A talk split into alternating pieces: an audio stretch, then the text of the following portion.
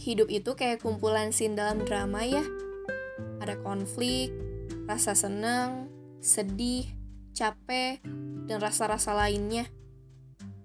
Kalau drama punya episode perdana dan akhir cerita, kita pun sama. Punya permulaan dan akhir yang udah direncanain dalam skenario sang pencipta.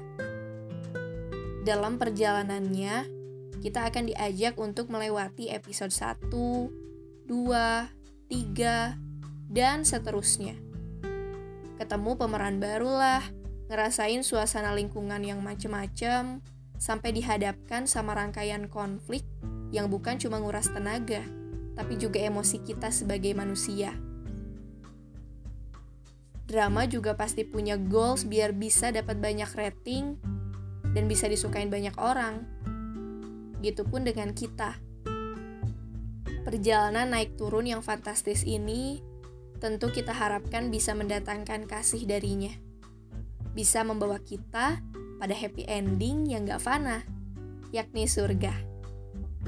Ini adalah langkah kecil dari bisa didengar yang harapannya bisa jadi jalan saling mengingatkan bahwa setiap potongan cerita kita pasti menuntun makna istimewa.